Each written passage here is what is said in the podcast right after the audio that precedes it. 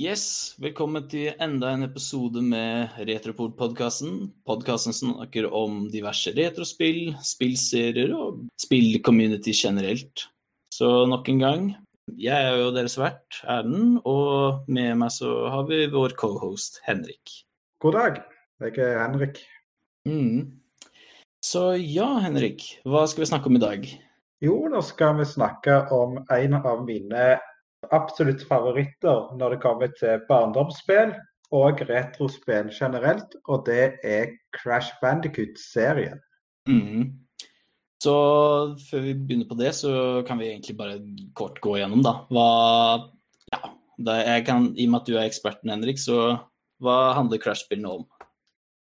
Så Crash Bandicoot er et 3D-plattformerspill.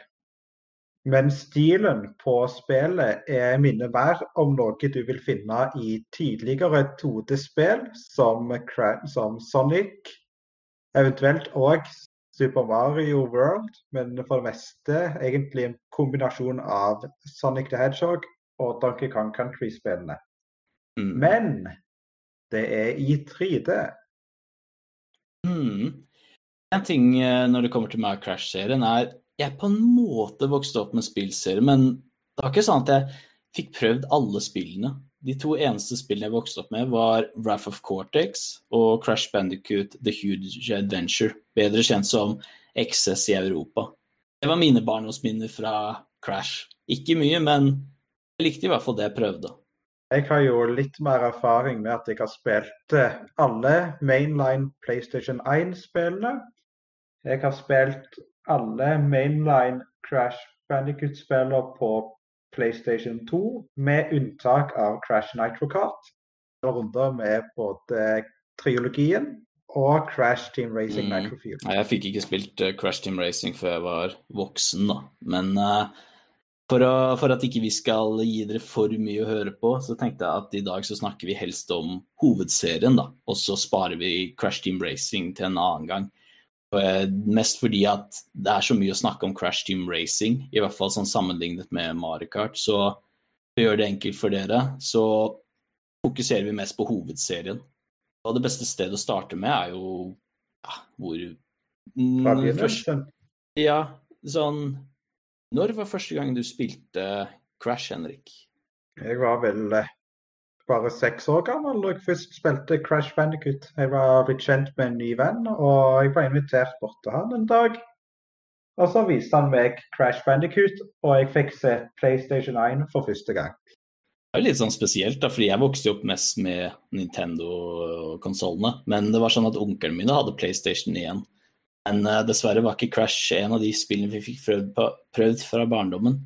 Ja. Nei, vi fikk i hvert fall prøvd Croc.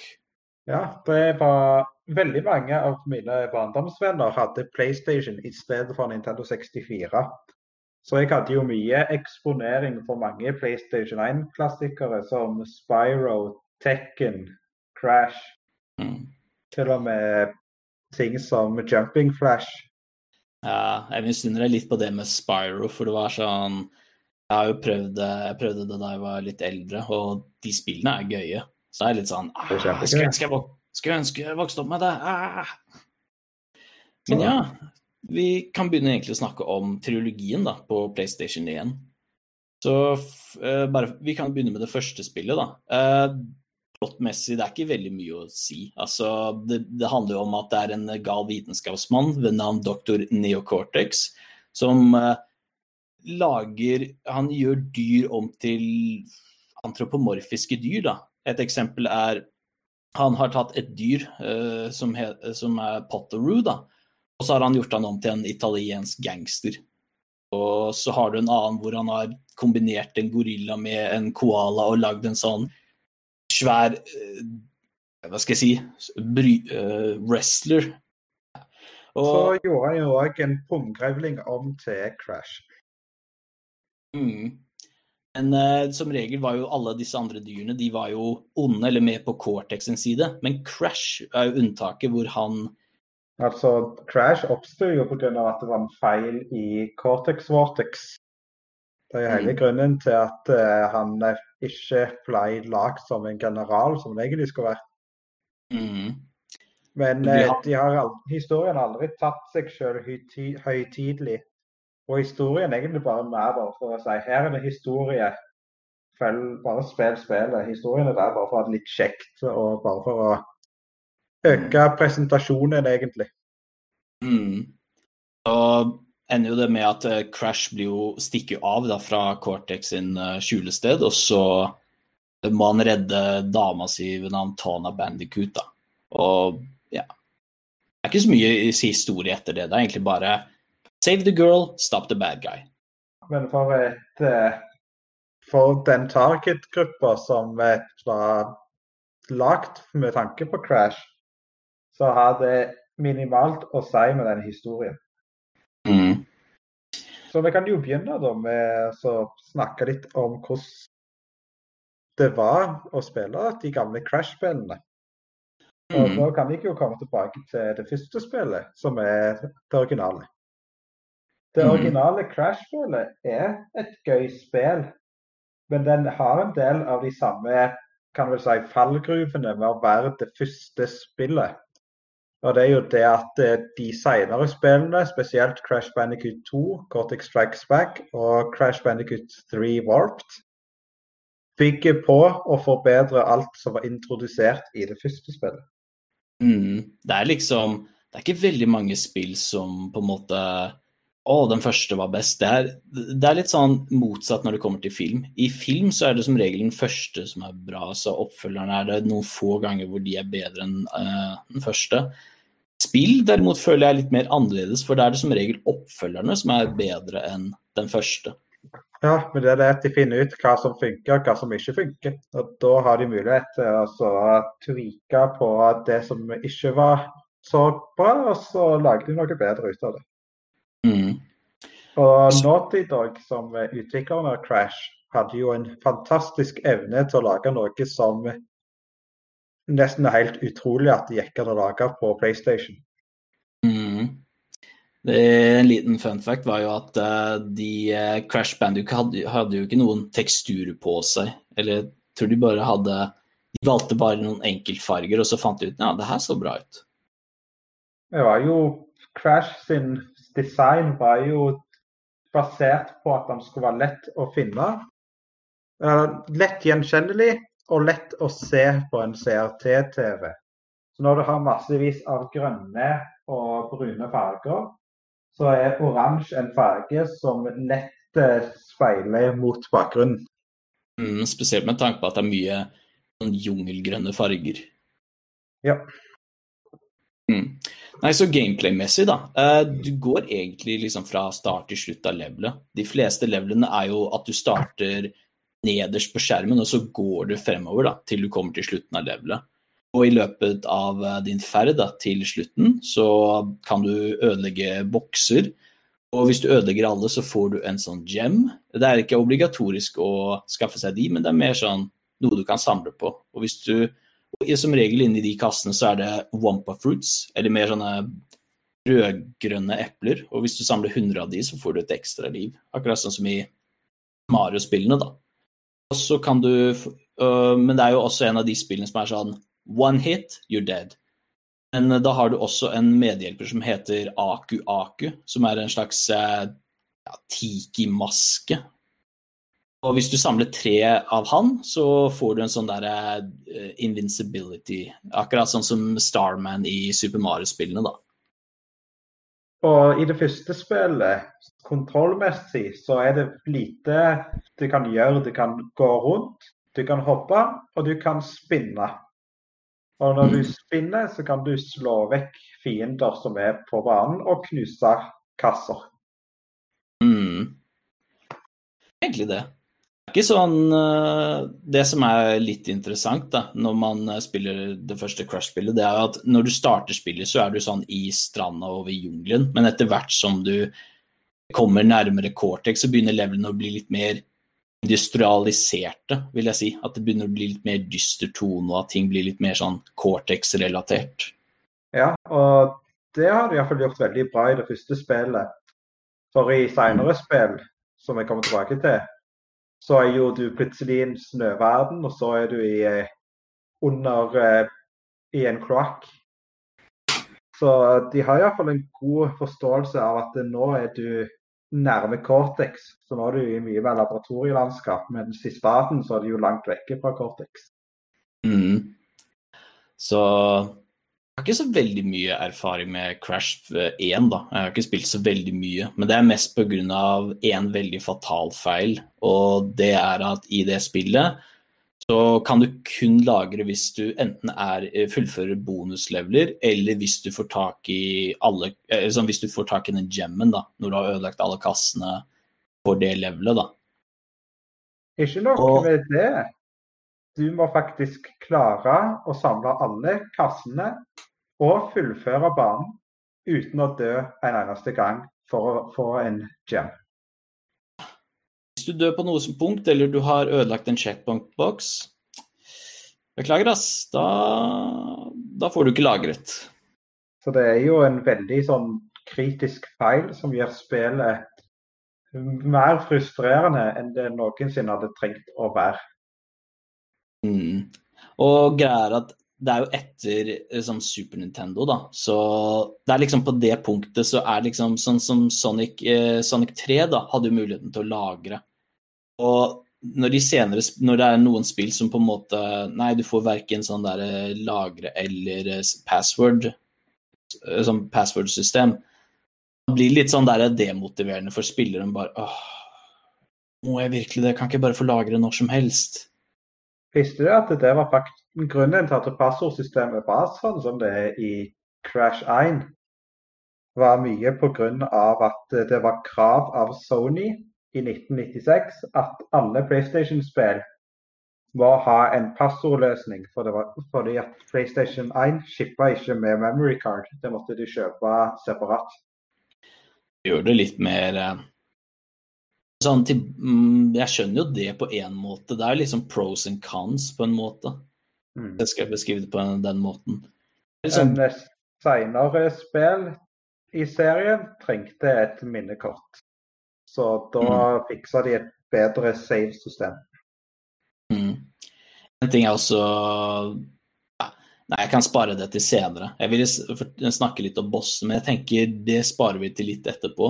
I mellomtiden så kan vi gå over til eh, Crash 2, da. Den, dette spillet, av de tre originale spillene, så syns jeg dette er den beste. Ting kan jo argumenteres på mange måter, så er det mange fordeler med trien.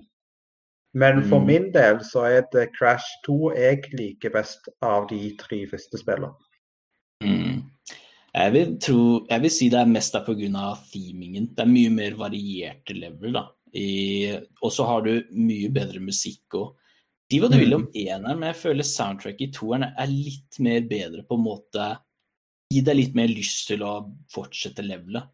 Et eksempel på det er jo uh, Hang 8-levelet hvor du har den der eh, surfemusikken. Den, første gang jeg hørte den, så var det liksom Å, oh, man, nå gleder jeg meg til å spille levelet. Hva, hva, er det jeg kommer til å møte på nå? Ja. Vi kan jo gå over til litt av eh, forbedringene som kom fra Crash 2 i forhold til det første spillet.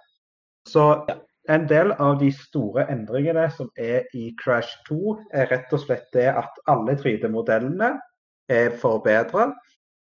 Du har en mye bedre engine som gir mulighet til å skape enda bedre verden, enda bedre design. Og de har på en måte forbedra så mye ved at de fikk oppgradert hele den grafiske motoren bak spillet. Mm. Og med dette her så kom det òg nye ting Crash kunne gjøre.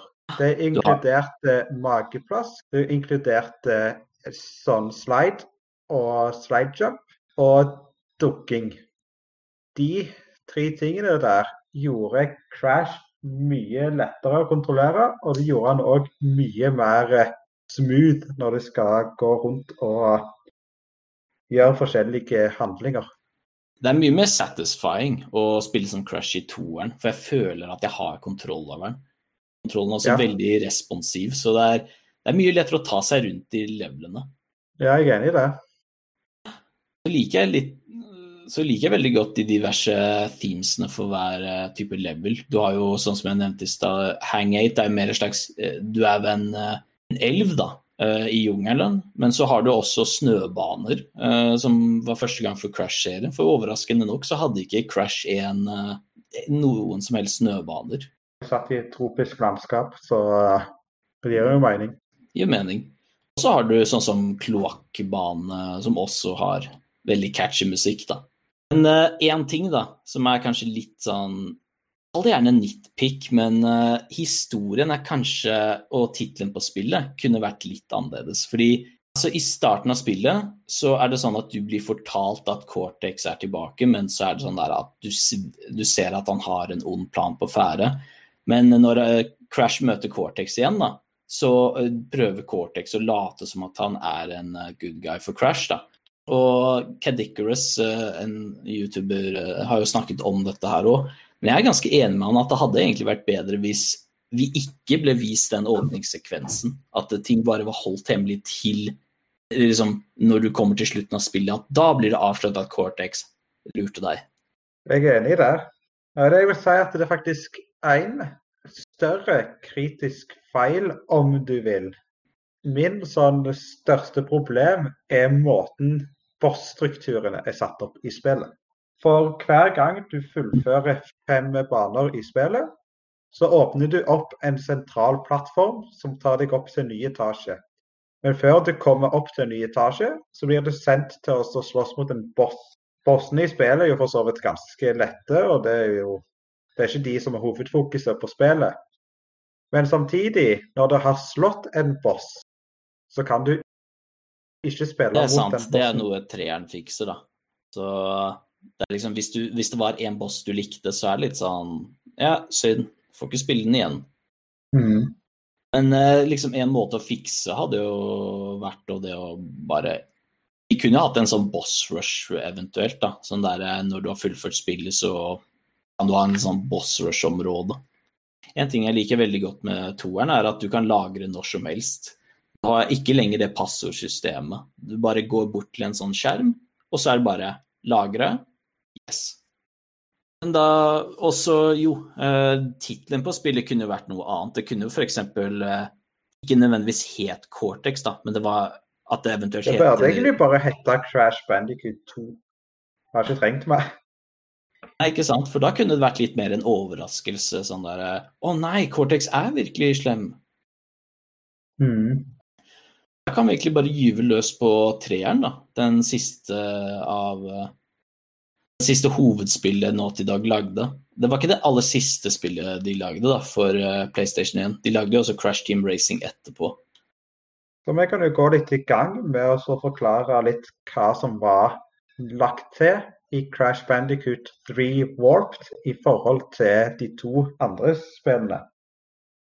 Og det som er den det vil si den største forskjellen på Crash 2 og Crash 3 er det at Crash 3 har en større fokus på å gi oss varierte banestrukturer.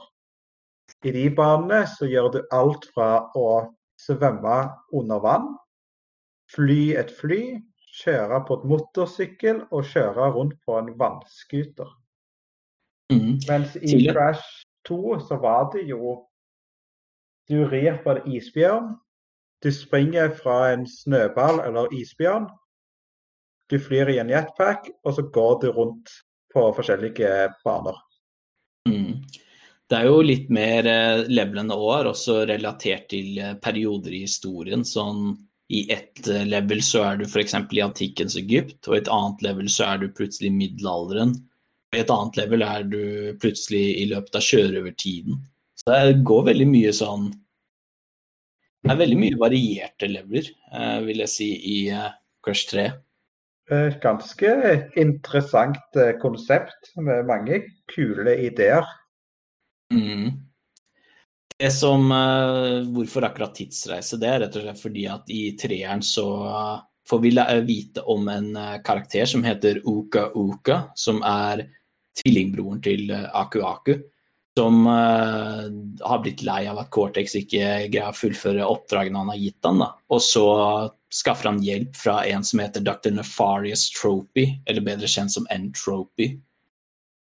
Og han er jo den som har en såkalt time twister machine, som han bruker for å finne noen krystaller som eh, de skurkene skal bruke for å prøve å ta over verden. Da.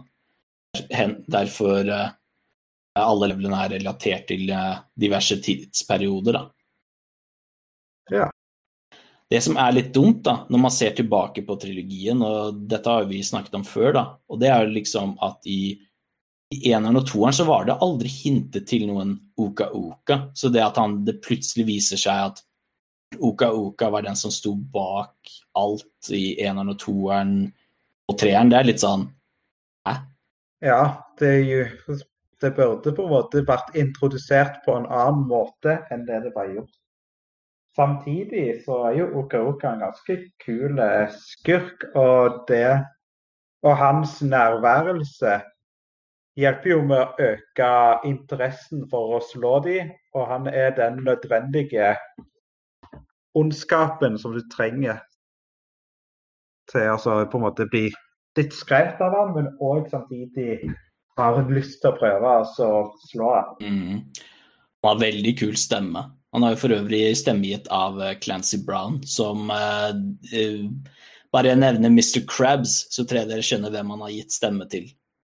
Uh, selv om treeren gjør veldig mye bra. Du har jo til og med unlockable power-ups. da. Det er jo veldig kult. sånn Du kan dobbelthoppe, du kan skyte frukt, bazooka og litt sånn forskjellig. da. Jeg vil ikke si at treeren er nødvendigvis bedre, og det har litt med at det er noen leveler som er litt mer irriterende. Uh, det beste eksempelet er jo de der motorsykkellevelene hvor du må komme først. Det er et lite sånn racerleveler, da. Og du må komme først for å fullføre levelet. Og greia er at er, hvis du gjør for mange feil det er sånn, Du kan gjøre noen feil, men det, liksom, det føles som spillet har sånn Hvis du gjør mer enn én feil, da fullfører du ikke levelet. Det kan bli veldig irriterende hvis man ikke er godt forberedt da, på de levelene.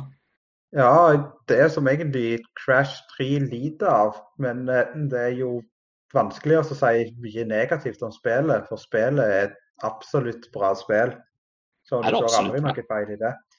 Nei, det, men det er jo litt det at det er litt for mange level-typer enn det som er nødvendig.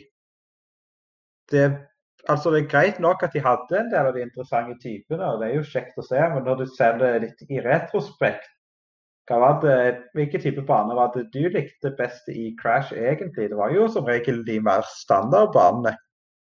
Ja, liksom som Egypt-levelen og mm. Unntaket er jo vannskuterne. Jeg likte de der sjørøverlevelene. Men det kontrollen ja. der er jo den er ganske bra. Sånn at eh, de burde gjøre litt sånn som De burde ha gjort litt sånn som Travelers Tales egentlig gjorde i Crash Bandicoot Wrath of Cortex, som vi kommer tilbake til, med at de hadde mer level gimmicks i normale Crash-baner, i stedet for at en ny gimmick er en helt ny game mode.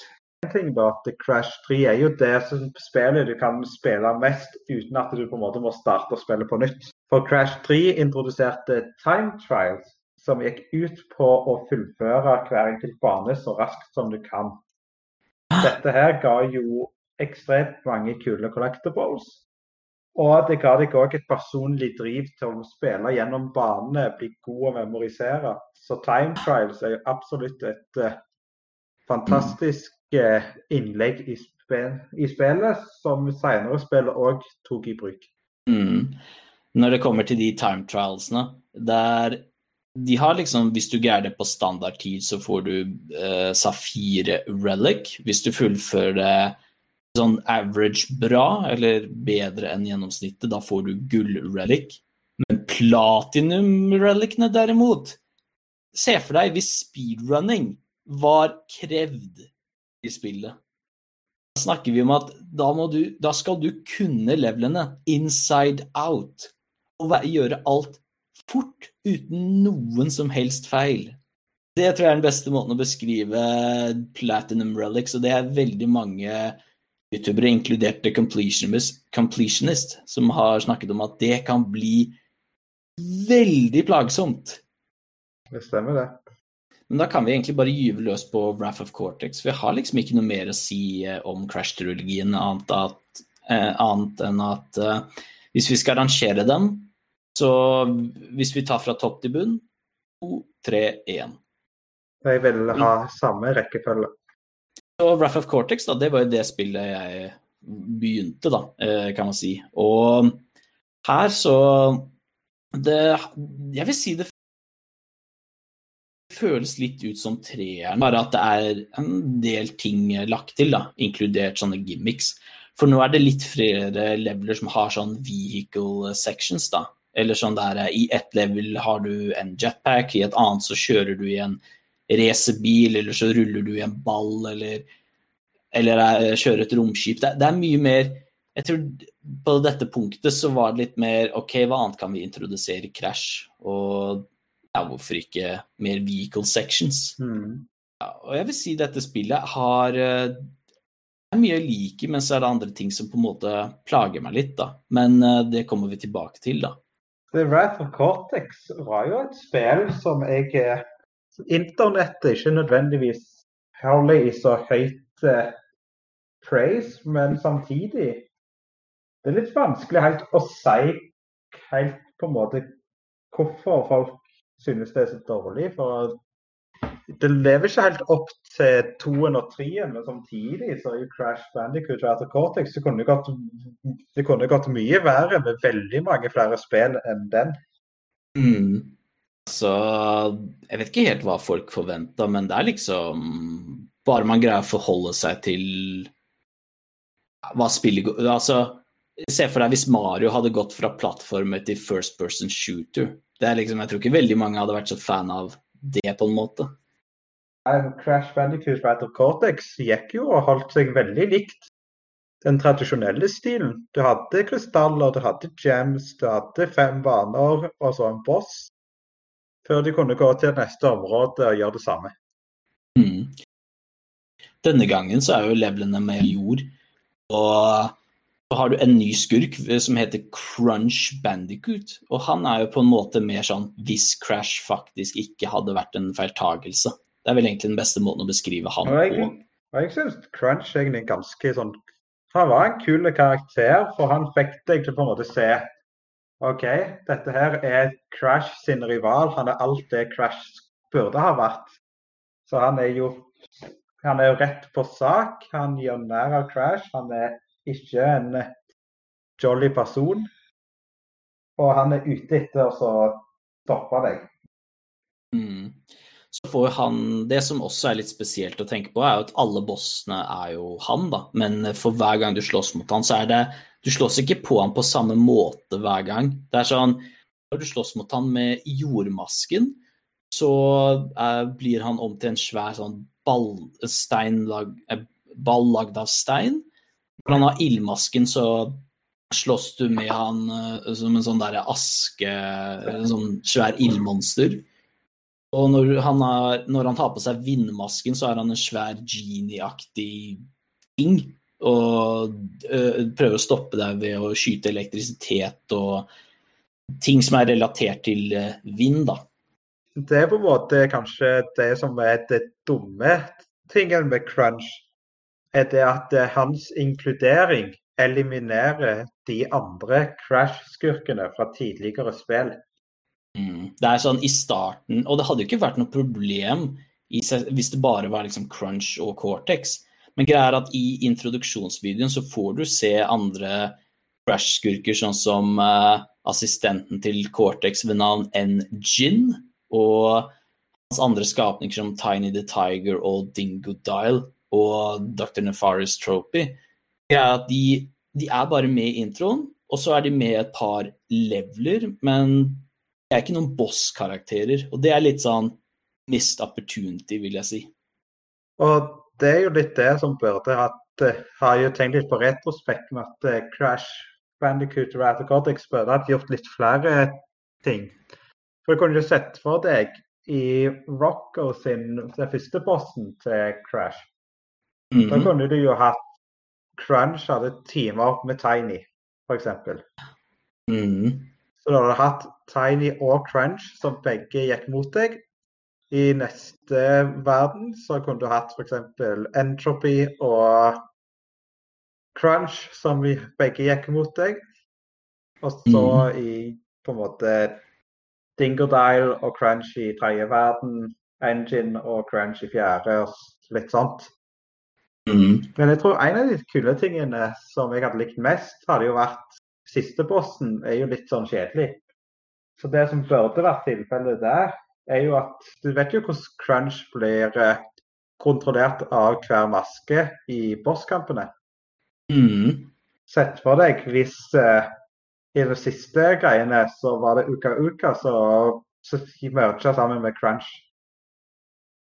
Ja, det hadde egentlig vært litt interessant, fordi Oka Oka er der, men jeg tror ikke han gjorde så veldig mye i spillet enn å bare kjefte på de andre skurkene fordi de gjør en dårlig jobb. Og...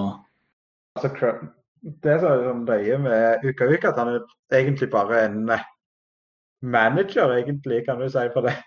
det sånn, ja. Gjør jobben. Jeg vil ha okay. resultater. Gå. Ja, det er det som er litt sånn artig å tenke på. Men eh, det er én ting jeg er veldig fan av i spillet, og det er jo en de naila. Det var eh, balllevelene.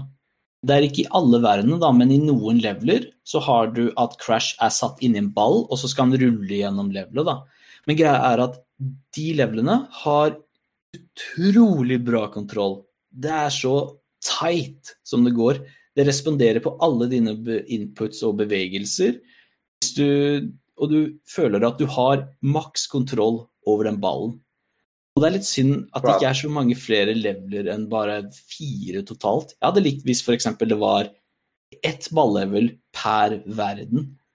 Det er veldig mange andre av de der vehicle sectionene som er litt sånn eh, vil jeg si. Mm. Det er det nærmeste du kommer Super Monkey Ball uten at det er Super Monkey Ball. Mm. Sånn, hvis eh, Super Monkey Ball-levelene var mye lengre og du hadde full kontroll over ballen. Så, men selve Men det er én ting eh, Jeg vil si sånn Wrath of Cortex er jo Jeg liker spillet mer enn Det er ikke Jeg vil si det er et decent spill, men det er ett element i det spillet jeg, som gjør det bedre enn average. Og det tror jeg du er enig med meg, Henrik. Mm. Det er rett og slett soundtracket i spillet. Soundtracket, soundtracket er, i spillet er fantastisk. Det er atmosfærisk. Det, pump, det, det, bygger seg opp. Det er ikke for repetitivt. Det er komponert på sitt beste, vil jeg si. Det er det, det, er det soundtracket i Crash-serien som jeg syns er det beste. For å nevne et par låter alle banene i spillet, inkludert, inkludert hemmelige banene og bosskampene, har sin unike musikk. Mm. Du har jo sånn som Arctic Antics, Bamboozled, Coral Canyon Alle har, de typer levelene har hver sine mm, låter.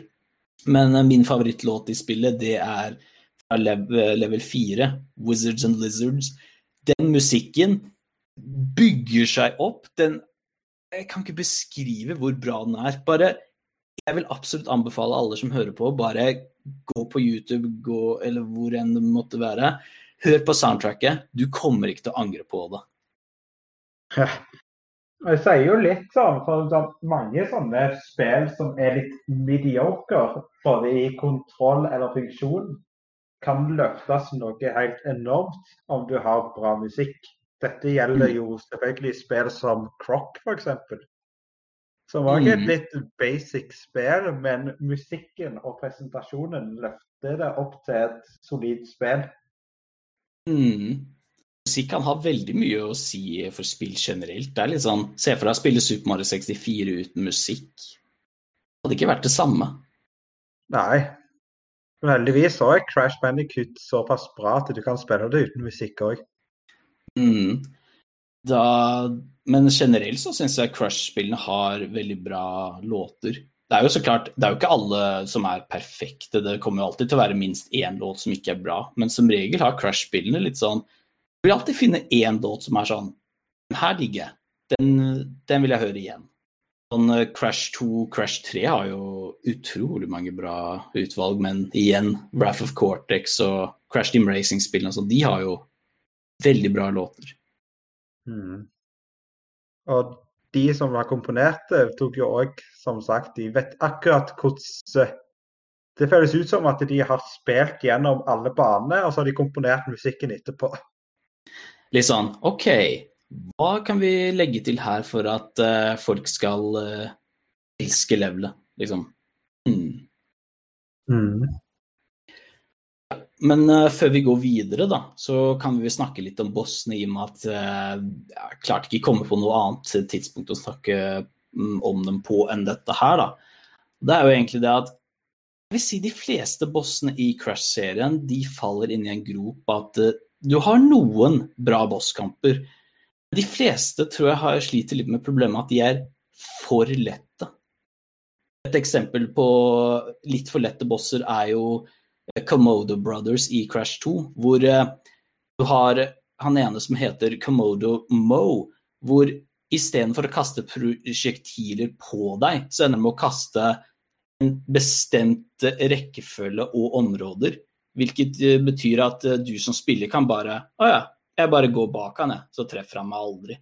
Ja, så hvis du vil ha posterboy av eh, enkel bosskamp, så er jo Papu Papu ganske langt høyt oppe på mm. det. For eh, Papu Papu i Crash 1 er jo et priteksempel på enkel boss. Han mm. slår ned den der eh, slegga si, og så hopper du på hodet hans. Så blir han sur på deg, spinner rundt to-tre ganger, slår han ned igjen, så hopper du på han, og så gjør du det en gang til, og sånn det. Mm. Jeg, tror, jeg tror grunnen til at bossene faller litt i den gropen, det er jo litt sånn Det føles ut som de som lagde spillet, da, eller Naughty Dog, hadde litt mer fokus på levelene i, eh, når de lagde det, når de lagde spillene. Men så var det sånn som i siste liten så bare Å ja, vent, vi må ha bosskamper. Å ja. Uh, her. Bare, bare gjør noe. Mm. Men du har jo unntak, da. Altså, I Crash 2 så har du bosser sånn som Tiny the Tiger og Engine, da, hvor du må faktisk følge Jeg vil si et veldig bra eksempel er jo, sånn som jeg nettopp nevnte, det var jo Tiny the Tiger. Og uh, greia med han er at for å slå han, så er det ni plattformer uh, som du må hoppe til. da. Det er ingen Det er kun de plattformene og ingenting annet du kan hoppe på. Og så er det sånn at Tiny følger etter deg og når det blir rødt på de plattformene, så må du lure Tiny bort dit. da. Men samtidig i løpet av kampen, så ikke bare må du hoppe fra plattform til plattform, men du følger med på hvor de røde plattformene dukker opp, og hvor langt unna Tiny the Tiger er før han tar deg igjen. Det er liksom, Du må ikke bare ha god reaksjon og være veldig komfortabel med kontroll, men du må også greie å følge med på flere ting samtidig. Og det syns jeg det, synes, det er et tegn på en bra bosskamp hvor du må på en måte OK, du har blitt komfortabel med kontrollen. Nå skal vi sette deg på prøve. Mm. Men da spør jeg deg, Henrik, hva med uh, Dr. Cortex-bosskampene? Hva syns du om de? Altså, med tanke på bossene i serien. Jeg vil ikke at jeg er god i spill, men samtidig så er jeg òg en person som er er òg ekstremt elendig på samtidig som jeg er ganske god. Mm. Så jeg er en sånn person som har tapt mye til Cortex-bossene før jeg slo de. Mm. Men det er jo sånn et eksempel på at det er vanskelig når du aldri har spilt de. Men når du først kan bosskampen, så er det ekstremt lett. Mm. Tror eksempel på en litt skuffende siste boss er jo uh, siste bossen i Crash 2. Det er jo Cortex, da. Men det greier som siste boss så forventer man gjerne at uh, han skal utfordre deg på alt du har lært i spillet. Men det eneste du gjør, er å fly med jetpacken, slå Cortex tre ganger, og så er kampen ferdig. Mm. Likte den ene gangen du fortalte meg om en forbedring. og Hva ville du gjort annerledes for den boss, siste bosskampen, f.eks.? Det hadde jo gått tilbake til det som du nevnte, med at eh, Cortex trenger Crash sin hjelp for det er en sånn ting som eh, skjer. La oss si en sånn type sånn greie som skjer pga. et eller annet i sola. Så han trenger krystallene for å fikse det. Så jeg samler alle krystallene for ham. Og han gjør faktisk jobben sin med å samle opp energien fra den solgreiene. Men så viste det seg at den solgreiene egentlig ikke var farlig. Men den var jo med på å gi kraft til krystallene, og så prøver Cortex å slå Crash igjen med å bruke krystallen. Mm. Han har jo den Master Crystal som var nevnt i starten av spillet. og Det hadde vært interessant om Cortex på en måte prøvde å ta ut Crash med å bruke The Master Crystal. Mm. Da kunne du eventuelt hatt litt sånn, sånn der eh, hvor eh, du må f.eks. ha du må virkelig kunne slide move og slide jump, sånn der at det dukker opp hindringer som du eventuelt må hoppe over, da. Mm. Det hadde vært mulighet, men uh, det er kanskje ja. ikke. Mange flere spill i serien, fra handhelds og mainline-serie. Men hvis vi skal ekskludere spill som Crash of the Titans og Mind of a Mutant, og se litt på remaken og den uoffisielle oppfølgeren, Crash Bandicoot 4, så kan vi jo se på det femte og siste spillet i den første varianten, i den første Crash Og det spillet er Crash Twinsanity. For øvrig så har ikke jeg spilt det spillet, da. Men uh, ja, da får jo egentlig du året da, Henrik. Så Crash Twinsanity er egentlig det første Crash-spillet som går vekk fra et lineært plattformer i en større grad enn det de tidligere spillene har gjort. Og selv om at banene følger en relativt lineær struktur, så er det allikevel ikke helt Det er mye større grad et open world-spill. Du er ikke sånn at du mm. går i en portal, og så er du plutselig et annet sted. Helt. Du går fra et område, så kommer du til et nytt område, så går du videre i det området der for å komme til neste område.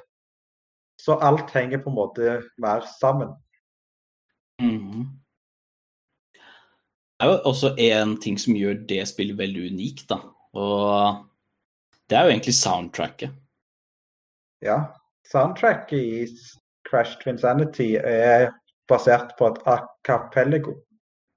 For de som lurer på hva acapello er, det er, eh, det er ingen instrumenter brukt enn bare, bare, stemmen, da. Og Det er jo en veldig interessant fil, men òg et veldig kult soundtrack som definitivt eh, passer hele spillet. Og mm. Sånn sett som Crash er i det spillet der, så er det det er litt sånn vanskelig å si, for det er et spill som er veldig rusha. Sånn at det er en del ting som kunne vært mye bedre om det hadde kommet ut i 2005 i stedet for 2004. Mm. Men jeg hadde det ekstremt gøy med spillet når jeg vokste opp med det. Og så sånn Crash Twin Sanities baner fungerer, så er det jo òg å komme seg fra punkt A til punkt B og finne hemmelige fargede gems i hver bane. Men på samme måte så har du ikke den samme strukturen med knus alle kassene og få en gem. Hver bane har en krystall. Noen ganger så har banene to krystaller f.eks., men i gjengjeld så er banene ekstremt mye lengre. Såpass så lange at du kan møte på et gullcheckpoint. Og et gull-checkpoint lagrer save, all save-data for deg, sånn at du kan skru av spillet og komme tilbake til det punktet der seinere. Hmm. Ja, jeg hører den, den, skiller seg veldig ut fra de første Crush-spillene, i hvert fall. Mm. Og spillet er òg det første Crash-spillet jeg vil si som har et mye større fokus på en story. Ikke det at den er sånn ekstremt kompleks på noen som helst måte, men de har satt inn mye mer fokus på interaksjoner, dialog og en konkret story. Som da mm. fokuserer seg på at to av Cortex tidligste eksperimenter ble sendt til en annen dimensjon. Og de har da klart å komme tilbake igjen til vår dimensjon og ønske hevn på Cortex. Så det kan spilles som tre karakterer i Crash Twinsanity. Det kan spilles som Crash, det kan spilles som Cortex, og det kan spilles som Nina. Crash fungerer på samme måte som tidligere. Han har som de aller fleste av hans standard moveset er der. Det inkluderer slide, dobbelthopp, ground pound, spin og ja, og crawling. Så har du Cortex. Cortex er mye mindre mobil, men han har et skytevåpen. Så han kan bruke, skyte vekk fiender med sin laserpistol. Og enkelte steder så har han infinite ammo, andre steder så har han begrenset med ammo. Dina Cortex fungerer relativt likt Crash, men hun har spesielle armer som gjør at hun kan, bruke, kan grapple seg rundt omkring. Så det er flere elementer knytta til grappling hooks i, med hus gameplay. Mm. Så det som òg er litt interessant med den måten Crash Quinsanity har lagt levelene sine på, er at du har mye mer større og interessante områder som du utforsker. For mm. selv om at det er relativt lineært, så er det jo flere subbaner innenfor f.eks det første området, som var hele Insanity Island. For det er sånn hele det området, da er det flere missions du gjør der. Du får utforske hele Insanity Island. Så blir det jo sendt til Madam Amberleys Academy. Og da er det jo hele sånn skolesetting, så da får jo du godt å utforske hele skolesettingen. Og så kommer du jo til en isverden, og så kan du utforske alle de områdene som er knytta til den isverdenen. Og spillet henger ekstremt bra sammen.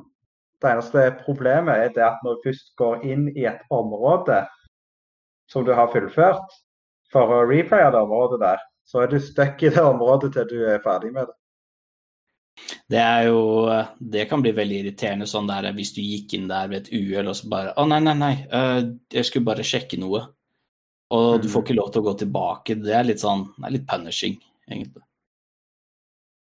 Ja, som regel så er det jo sånn at uh, du får på en måte en viss grad av forvarsel med det at uh, du må starte banen for så vidt. Du kan komme til området der du er, og så velger du nei, jeg går tilbake igjen. Og så kan du gå tilbake. Men i enkelte tilfeller når du først velger å sette i gang med området, da har du bestemt OK, nå starter jeg med det området. Men da kan vi egentlig bare gyve løs på de håndholdte Crash-spillene, da. Eller i hvert fall sånn mainline, da. Eh, det første er jo Crash Bandicut XS, eller som det egentlig står for, Extra Small. Og jeg vil si at spillet er en slags kombinasjon av Crash 2 og 3, for den har jo, den har jo en del samme gameplay-elementer fra toeren, men den har jo også litt fra treeren, da. Blant annet så er jo soundtracket veldig likt toeren og treeren. Ja, Crash eh, De to Crash-spillene er sikkert en av de Crash-spillene jeg har spilt mest på Gameboy Advance. Hvis du ekskluderer Pokémon og WarioWare. Crash Bandicoot har jo hatt en sånn stor eh, barndomsgreie på meg. For jeg eh, hadde jo ikke PlayStation 1 sjøl, men så jeg spilte jo Crash hele veien hos alle andre folk som hadde det. Mm. Og så hadde jeg jo fått en Gameboy Advance og spilte en del Mario 2 på det. Og så mhm. plutselig, på bursdagen min, så fikk jeg Crash. Det var jo så sykt kjekt å få. Og mm. Crash på Gameboy, det er jo dritkult. Det, det funker i hvert fall. Det er, det er, liksom ikke så mye å si om dem. Da. De, de, de funker. Og det er vanskelig å si når du går tilbake til dem. Det er jo veldig sånn nostalgiske. Er òg mye simplere i design. Og de kan òg på enkelte punkter være litt frustrerende. Men ja. til de så er det jo i, Når dette spillet kom ut i 2002 og 2003, så er dette her mm. helt gode spill å ha på konsollen. De er definitivt verdt å prøve ut. Um, jeg tror det eneste som skiller seg kanskje ut uh, på XS, det er jo at uh, på slutten av spillet, hvis du fullfører det 100% så vil jo eh, Neocortex, N-Gin, Tiny the Tiger og Dingodile vil jo slå seg sammen til én skapning, og da ved navn Megamix. Og jeg tipper jo de fleste som så det, må jo ha vært sånn ikke om det før jeg så video om det på YouTube når jeg var mye eldre. For jeg klarte aldri å få tak i alle sånne time trial relics. Ja, men bare se det for deg, liksom at liksom, Se for deg hvis Mario, Luigi, Vario og Valuigi kombinerte seg til én fyr. Det er liksom Å, herregud. Mm. Mm. Men uh, det som gjør Jeg har ikke spilt uh, denne oppfølgeren da, som heter Crash 2 N-Trans, men det er uh, en ny skurk da, som heter N-Trans, og det er jo et svært Se for deg hvis Lille Trille var ond. Så Entranced ser jo ut som en typisk Crash-skurk, og fungerte som en typisk Crash-skurk egentlig, så jeg hadde jo ingen problemer med det.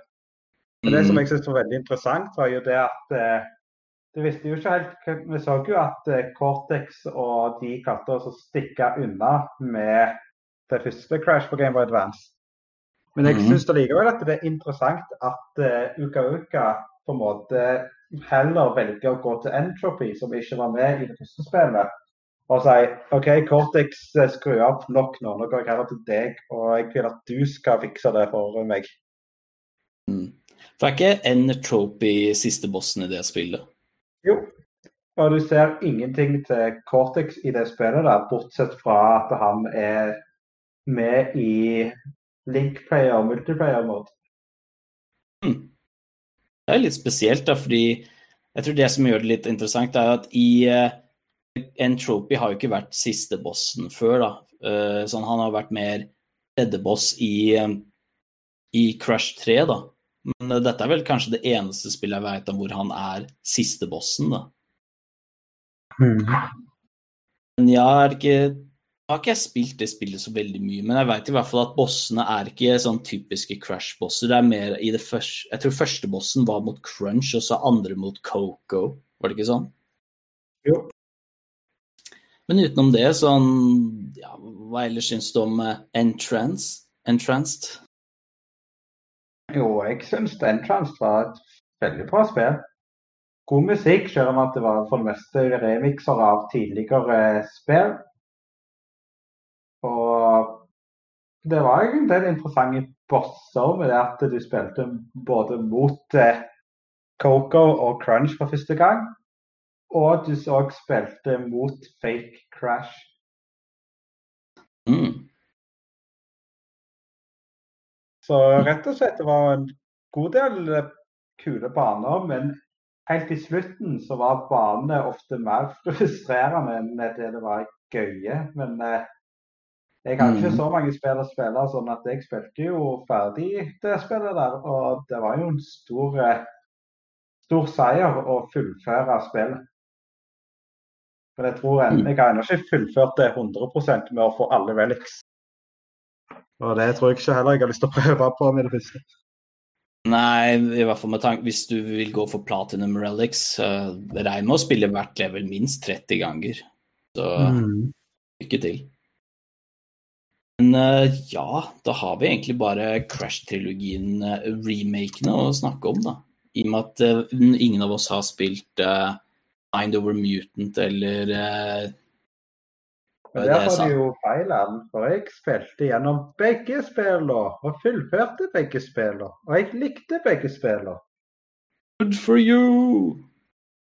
Men ellers så kan jeg ikke si noe mer enn at det føltes det føltes veldig annerledes ut fra alle andre Crash-spill. For det, det, til en viss grad så er det jo Det er på en måte karakterene til Crash men så er det et 3D-style beat them up med mulighet for plattforming. Så mm. spillet hadde på en måte lite overens med hvordan Crash egentlig var før. Mm. Og de brukte jo en del tid på å reboote alle karakterene, så alle karakterene hadde ny design på en måte. Uff, jeg husker jeg så redesignet til Aku Aku og Cortex, uh, Uka Uka. Jeg bare mm. Å nei, hva, hva, i all verden er det de har gjort? Det er liksom Se for deg hvis du tok Mario og gjorde han om til et helt annet, et helt annet design. Liksom, se for deg hvis du fjerna barten og capsen og ga han uh, en jeans uten sånn, uh, sånn og sånn over skuldrene-belter. Sånn Et design som overhodet ikke ligner på Mario engang. Det er den beste måten å beskrive Aku Aku og Uka Ukas redesign på. Ja, spesielt Uka Uka. Det var etter Mind Over Mutant, som kom ut i 2008, så var det et fullstopp på Crash. Med et unntak av et lite mobilspill, så var det ingen nye Crash-spill og det varte ganske lenge, faktisk. Det varte i åtte Nei, det var 2008 til Nei, det var hele ni år før det kom et nytt Crash Bandicoot-spill. Mm. Og det nye Crash-spillet som kom, var jo Crash Bandicoot and Sane Trilogy. Som da mm. var en remake av alle de tre første Crash-spillene på én disk. Mm. Det er jo egentlig ganske fint å ha alle tre spillene tilgjengelig på én, da.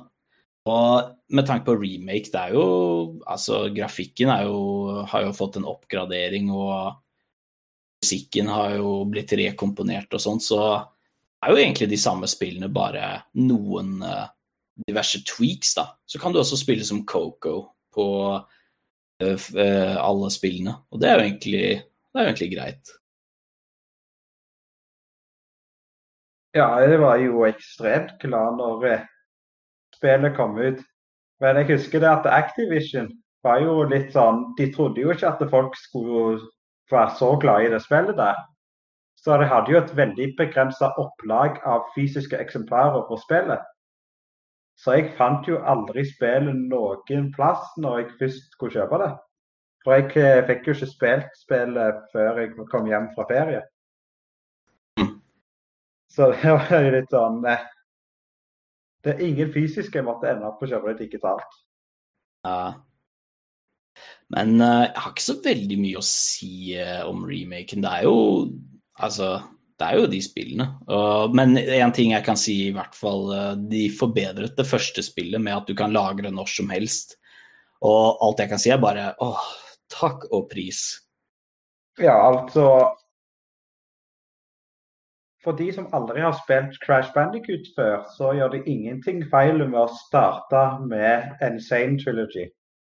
Det er jo egentlig den plassen jeg ville starte alle folk som eh, skal spille Crash, spesielt med tanke på det at uh, Crash Bandicoot 4, It's About Time, baserer seg på remaken. Mm.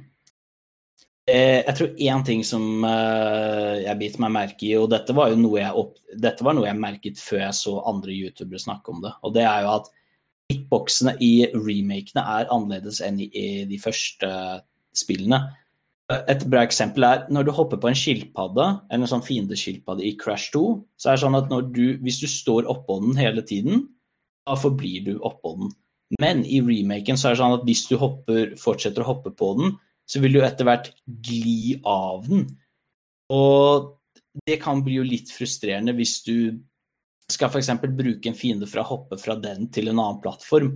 For det er liksom har ikke like mye kontroll i remakene sånn som i de originale spillene.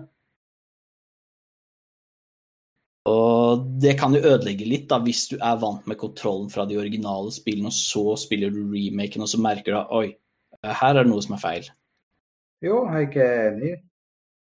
Og det er jo litt sånn vennesak. Hvis du vant med de første spillene, så er det litt sånn vrient at det endrer seg noe.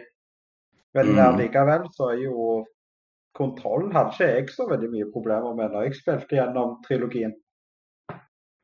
Nei, det, var, det største problemet jeg hadde, var det at de gjorde engine mye vanskeligere. Så den var frustrerende vanskelig. Mm det som er kanskje en missed opportunity, og dette nevnte jeg litt i stad, men det er jo at de gjorde ikke noe særlig for å fikse historien, da. Eh, det er liksom uh, Igjen så har de ikke tatt med noen sånn scene hvor f.eks. Oka Oka snakker med Cortex, sånn at du får den der glidende overgangen fra eneren, toeren og treeren. For Oka Oka blir jo ikke ordentlig introdusert før i treerne igjen. Og det er liksom Hadde mulighet til å fikse det, men hvorfor gjorde du det ikke? Ja, men det ja, jeg er litt, litt enig i det, men det hadde vært ekstremt kontroversielt av utviklerne å endre på storyen når remaken er der for å være en ny Crash Bandicoot som er likt det gamle, men det er likevel med ny grafikk. Så det mm. å tvike storyen hadde på en måte kanskje blitt ekstremt godt mottatt av alle. Eh, det er veldig avhengig av hvordan det er utført, da. Eller avhengig av situasjonen, vil jeg si. Mm. Siste ting jeg har lyst til å nevne om trilogien, er Jeg skulle ønske det var en eller annen sånn form for co-op play eller en eller annen sånn multiplay-modus. Som for eksempel hvis du har eh, sånn Når du ikke spiller hovedspillene, så kan du ha sånne minigames, sånn som i Super Mario 64 DS. Men da kunne man ikke hatt sånn Man hadde ikke trengt sånne kompliserte minispill. Man kunne hatt f.eks. vannscooter-race eller sånn der ja, dogfight à la basert på noen av de der vehicle-seksjonene i Crush 2 og 3, da, hvis du skjønner? Ja, det er og Jeg er litt enig i at de burde kanskje tweake storyen, men samtidig så har de jo gjort nok av gode forbedringer. Så det fikk jo A pluss i min bok. Yeah. Men uh, ja, da er det egentlig bare på tide å runde av. Nå har vi egentlig snakket om de uh, hovedspillene i Crash-serien. Og jeg føler at folk som, for de som lurer, da, hvis, uh, ah, det høres ut som en sånn walk straight the game. Det er egentlig litt mer enn walk straight. Altså, det er liksom Du har jo mange sånne kanskje platt, ut, plattformutfordringer og Det er ikke nødvendigvis bare gå rett frem. Det er noen ganger du må gå en annen vei eller sideveis eller må på en måte gjøre litt mer, da. Du blir jo testa på diverse plattformskills. Mm. Og det det er det som er litt kult, at du går fra 2D, og så er det 3D, og så er det litt skrått, og så hulter til bulter. Det er jo litt mer om som så. Men hvis jeg skal Ja, nei, hva kan vi si? Eh, jeg syns det som gjør Crush Bandicut-spillene så artig å spille, er jo egentlig personligheten til skurkene, egentlig. Bare selve designet av levelene, og spesielt musikken. Det, du på en måte Det er veldig lett å leve seg inn i Crash-universet, egentlig. Mm. Det er ganske det, De har iallfall A pluss på presentasjonen i alle spillene. Det, det vil jeg si meg enig i. Altså, når du blir introdusert for bosser sånn som Dingo Dial, når de snakker sånn rett mot deg, det er litt sånn derre Å, oh, men, denne bossen her, han har jeg lyst til å slå. Å slå de var gøy òg. Yes, det var vel egentlig det. En annen gang så får vi snakke litt om uh, Crash Team Racing, da. Og jeg håper dere likte dagens episode, da. Det, altså, for de som Hvis vi skal komme med noen anbefalinger, da. Uh, hvis jeg skal anbefale tre spill sånn hovedmessig i serien å prøve, det må jo bli Crash 2, Wrath of Cortex og XS, da. Altså, om ikke du vil like Altså, du, det er veldig avhengig om du vil like Wrath of Cortex eh, helt eller sånn midt imellom. Men spill i hvert, prøv i hvert fall Wrath of Cortex eh, for soundtracket sin del. Du kommer virkelig ikke til å angre på det. Yes. Hva vil du anbefale, Henrik? Jeg vil anbefale Crash Bandicut Insane Trilogy. Og så ville jeg egentlig anbefalt, hvis du skal ekskludere den remaken, starte egentlig med Crash 2. Spille Crash Warped. Og eventuelt prøve Wrath Cortex. Mm. Da sier vi takk for oss, og så snakkes vi i hvert fall. Ha det. Ha det.